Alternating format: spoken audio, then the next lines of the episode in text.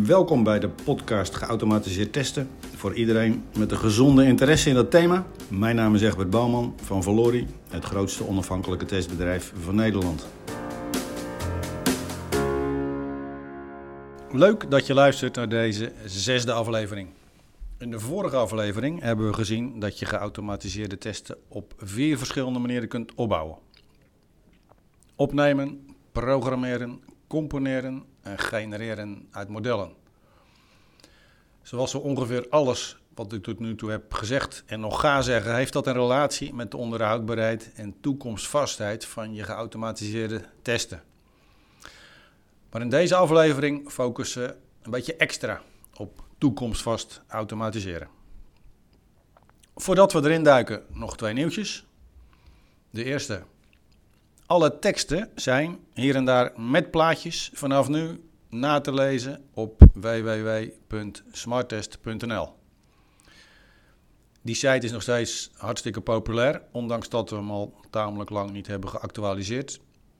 Daar werken we aan inclusief de migratie slash integratie naar Valori.nl. Maar goed, voor nu kun je de podcastteksten dus integraal vinden via de homepage van www.smarttest.nl.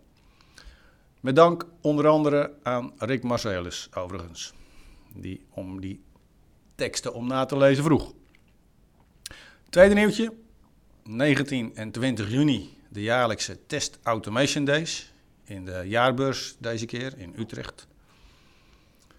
Was volgens mij vorig jaar ook al zo. Uh, vroeger was het in het WTC in Rotterdam. Anyhow, misschien zie ik je daar. Nu stel terug naar ons thema. In de Smarttest praktijk hanteren we namelijk vijf expliciete principes die bijdragen aan een toekomstvaste en onderhoudbare geautomatiseerde testset zodat je investering zich wel terugbetaalt en je er langer dan een half jaar plezier van hebt. Met een total cost of ownership die ook op termijn niet de pan uitreist. Nou, die vijf extra principes zijn als volgt. 1. Maak onderscheid tussen ontwikkelaartesten en gebruikerstesten. 2. Werk ook bovenin de testpyramide met professionals die onderhoudbare scripts maken. En die de good software design practices zoals modulariteit, herbruikbaarheid, uitbreidbaarheid, minimale koppeling en maximale cohesie snappen en toepassen. Dat was twee. Drie, maak onderscheid tussen testen van nieuwe functionaliteit, de progressietesten, en testen van bestaande functionaliteit, de regressietesten. Die hebben een verschillende dynamiek. Vier, design voor testability. En vijf, behandel standaardpakketten niet als softwareontwikkeling. Nou, laten we deze vijf principes één voor één eens beter bekijken. Om te beginnen, maak onderscheid tussen ontwikkelaartesten en gebruikerstesten. Geautomatiseerd testen kan natuurlijk zowel ingezet worden door ontwikkelaars voor hun unit testen als ook door niet-ontwikkelaars voor hun onafhankelijke gebruikersacceptatietesten. Dat zijn twee wezenlijk verschillende sporen. Ontwikkelaars hebben namelijk een anders perspectief, dekken andere risico's en hanteren andere tools dan niet-ontwikkelaars. Ontwikkelaars gebruiken graag tools die goed integreren in hun ontwikkelproces en ontwikkel, hun ontwikkelomgeving. Liefst command line zonder groei, zodat ze kunnen worden aangeroepen vanuit de scripts van het geautomatiseerde beeldframework, zoals Jenkins of TeamCity. Soms zijn dit soort beeldtools onderdeel van het Microsoft.NET of Java framework of een andere ontwikkelomgeving. En ontwikkelaars meten ook steeds vaker de dekkingsgraad van hun testen in termen van code coverage. Het percentage door de testen geraakte coderegels. En dat kan relatief eenvoudig met tools als uh, SonarCube. Ontwikkelaars hebben meestal geen behoefte aan one size fits all tools, maar zetten meerdere tools in combinatie in, al naar gelang de behoefte en de expertise in een team. Niet-ontwikkelaars met minder technische expertise, die zijn meer gebaat bij gebruiksvriendelijke tools met een fijne groei. Dat soort tools is geschikt voor functioneel end-to-end blackbox ketentesten in een hybride omgeving met verschillende interfaces. Browser, non-browser, bestanden, berichten. Nou, de tools die hier worden gebruikt zijn vaak de betaalde tools van de grotere leveranciers, zoals Microfocus, voorheen HP, IBM en Tricentis. Gezien de kosten voor licenties en training wordt hier vaak gekozen voor breed inzetbare tools. Goedkoper en ook heel veelzijdig zijn gebruiksvriendelijke frontends op Selenium. Een voorbeeld daarvan is Joseph, een prima alternatief voor de vroegere Selenium IDE Capture Playback schil, Joseph. Of Joseph. De behoefte van ontwikkelaars zal altijd blijven verschillen van niet-ontwikkelaars. Dat is wel iets om goed in gedachten te houden. Het verschil kan wel vervagen als ontwikkelaars dichter tegen de gebruikers aan gaan zitten. En als gebruikers vroeger betrokken worden en vroeger gaan testen. Maar het verschil zal altijd blijven bestaan. Nou, tot zover het eerste principe. Kennen het verschil tussen gebruikerstesten en ontwikkelaarstesten. Een logisch vervolg hierop is principe 2. Namelijk, zet altijd IT-professionals in die de Good Software Design Practices kennen. Een geautomatiseerde testset betekent extra onderhoud of zelfs een softwareproject erbij. Zelfs als je alleen de bovenkant van de testpyramide automatiseert met gebruiksvriendelijke en intuïtieve tools. Dat betekent dat je altijd good software design competenties nodig hebt. En daarom is maximale samenwerking tussen ontwikkelaars, testers en gebruikers onmisbaar. Ook al omdat in Agile Scrum teams het team als geheel verantwoordelijk is voor de kwaliteit. Gespecialiseerde testers, in Scrum termen ontwikkelaars in een testrol, hebben een hoofdrol in de beweging naar zo vroeg mogelijk testen, ook wel de shift left genoemd. Maar zij doen dat niet alleen en werken nauw samen met ontwikkelaars enerzijds en met de gebruikers en stakeholders anderzijds. De ideale taakverdeling voor geautomatiseerd testen volgt de slager, keurmeester, klant driedeling. Die moet ik natuurlijk even toelichten. De slager, oftewel de ontwikkelaar, automatiseert zoveel mogelijk. Ik, ik hou van slagers die eigen vlees keuren, ook in de echte wereld. Dus op het niveau van unit- en integratietesten doen die slagers hun best om maximale kwaliteit op te leveren, waarbij ze maximaal en naar eigen inzicht gebruik maken van tools, vaak open source tools, die bij de ontwikkelomgeving en de applicatiearchitectuur passen. Vervolgens heb je toch nog graag een keurmeester die onafhankelijk testen uitvoert en dus liefst ook automatiseert en liefst ook de regressietestset beheert. Daarmee wordt de bestaande functionaliteit van de totale keten vanuit end-to-end gebruikersperspectief gevalideerd en voortdurend natuurlijk ook aangevuld met nieuwe testen. Want wat ooit nieuw was, is op een gegeven moment natuurlijk oud. En als laatste de klant.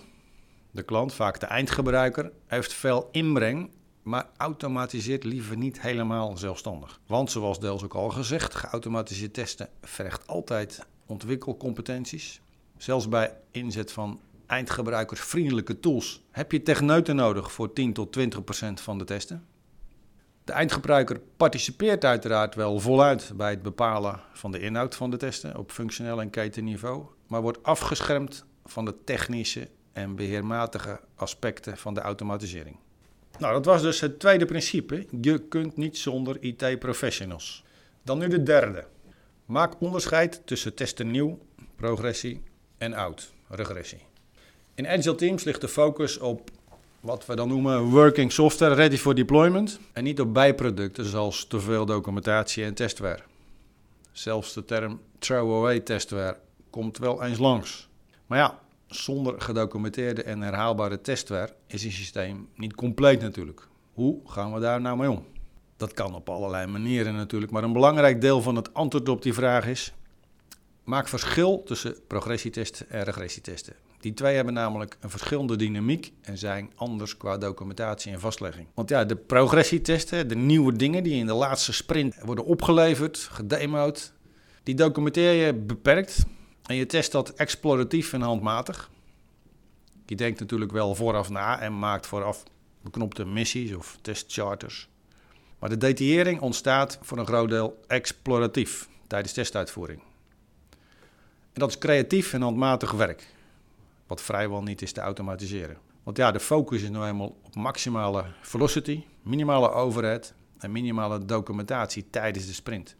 Daartegenover staan de regressietesten. Die vragen we wel om documentatie en automatisering. Na elke sprint worden nieuw gemaakte progressietesten toegevoegd aan de vaste regressietestset. Als er bugs zijn gevonden, dan worden er scripts toegevoegd die die bugs met zekerheid zouden vangen als ze opnieuw zouden optreden. Oké, maar zul je zeggen, wat nieuw is, wordt oud. Dus automatiseer nou die progressietesten maar meteen, want dat moet toch een keer gebeuren. Klinkt logisch, maar het gekke is dat dat voor de slager slash ontwikkelaar goed werkt. Denk aan test-driven development, waarin testen vooraf gebeurt, niet achteraf. Maar voor meer bovenin de piramide, voor de keurmeesters slash klanttesten, werkt dat minder goed. Het is normaal dat de scripts voor unit- en integratietesten worden meegeleverd met de nieuwe software en onderdeel zijn van je definition of done.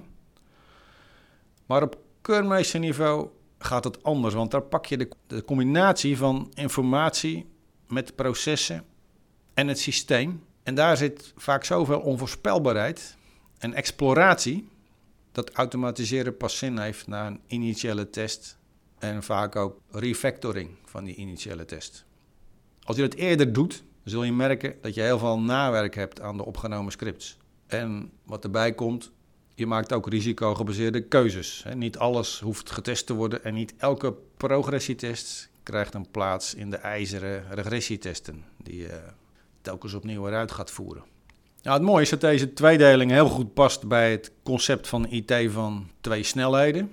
Door de goeroes van Gartner wordt dat bimodale, bimodale IT genoemd. Dat wil zeggen dat je enerzijds de snelle sprinters hebt, die de nadruk leggen op progressietesten. En anderzijds de lange afstandlopers met regressietesten.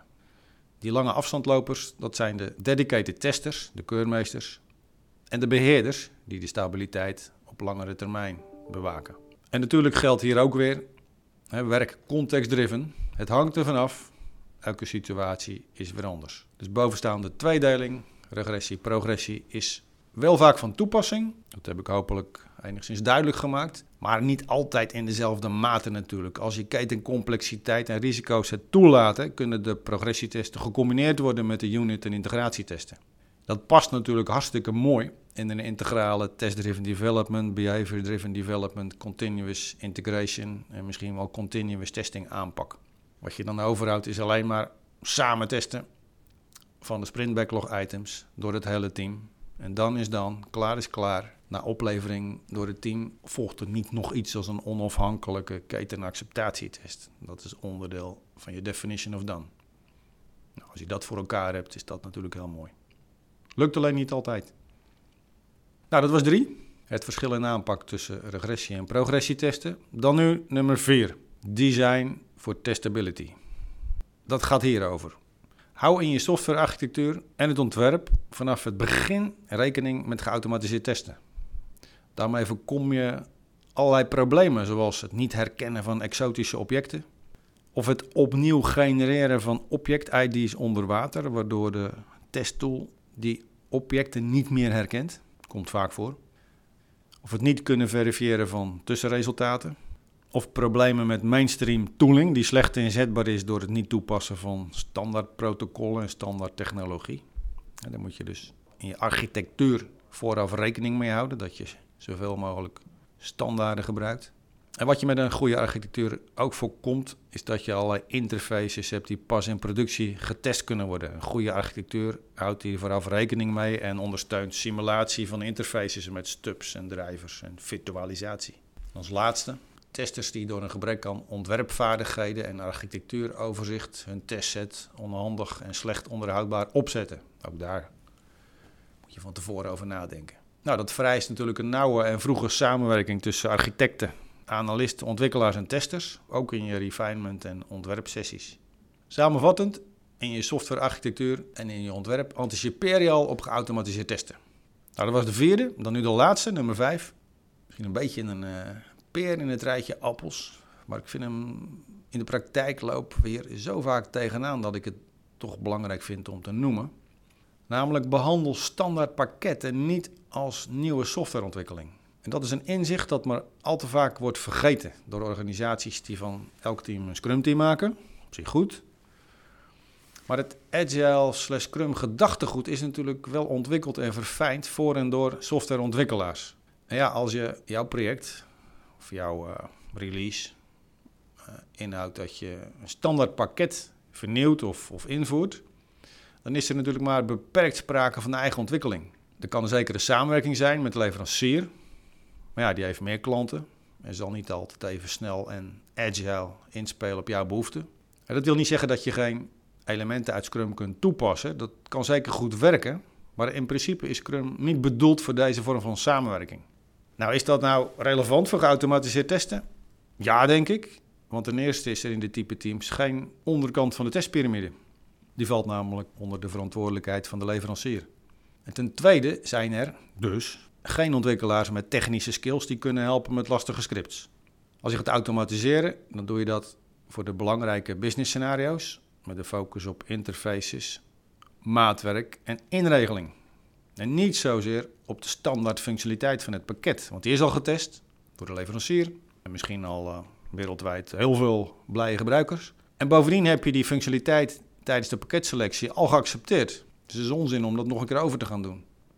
Nou, de opzet en onderhoud van dit soort regressietestsets ligt waarschijnlijk, tenminste dat zou ik voor kiezen, bij de beheerders. Ze kunnen niet terugvallen op ontwikkelaars in een team en zullen dus voorzien moeten worden van extra competenties voor het zelfstandig opbouwen en onderhouden van de testset. Goed, dat was het voor deze keer. Tot zover deze zesde aflevering. Volgende keer ga ik het, denk ik, hebben over de factor mens. Competenties, organisatie, rollen- en taakverdeling, dat soort dingen. Dank weer voor het luisteren. Blijf me bestoken met suggesties. Werp vooral een blik op www.smarttest.nl voor de plaatjes en de tekst bij deze praatjes. En tot de volgende keer.